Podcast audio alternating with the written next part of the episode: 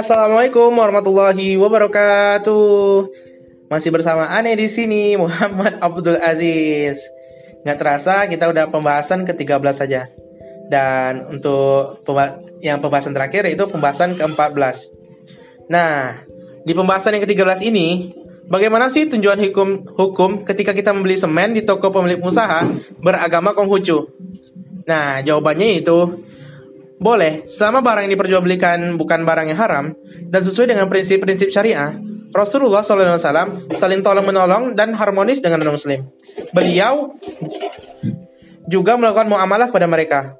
Rasulullah juga mengizinkan mereka tinggal di Mekah dan Madinah tanpa memerangi mereka dengan syarat membayar jizyah. Ini hanya sebatas bermuamalah, bukan masalah pada al-aqidah. Mungkin uh, ini saja yang bisa saya sampaikan di pembahasan ke-13 ini.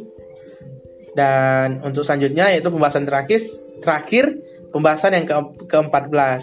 Kita lanjutkan nanti. Oke, tetap enjoy dan terima kasih telah mendengarkan. Wassalamualaikum warahmatullahi wabarakatuh.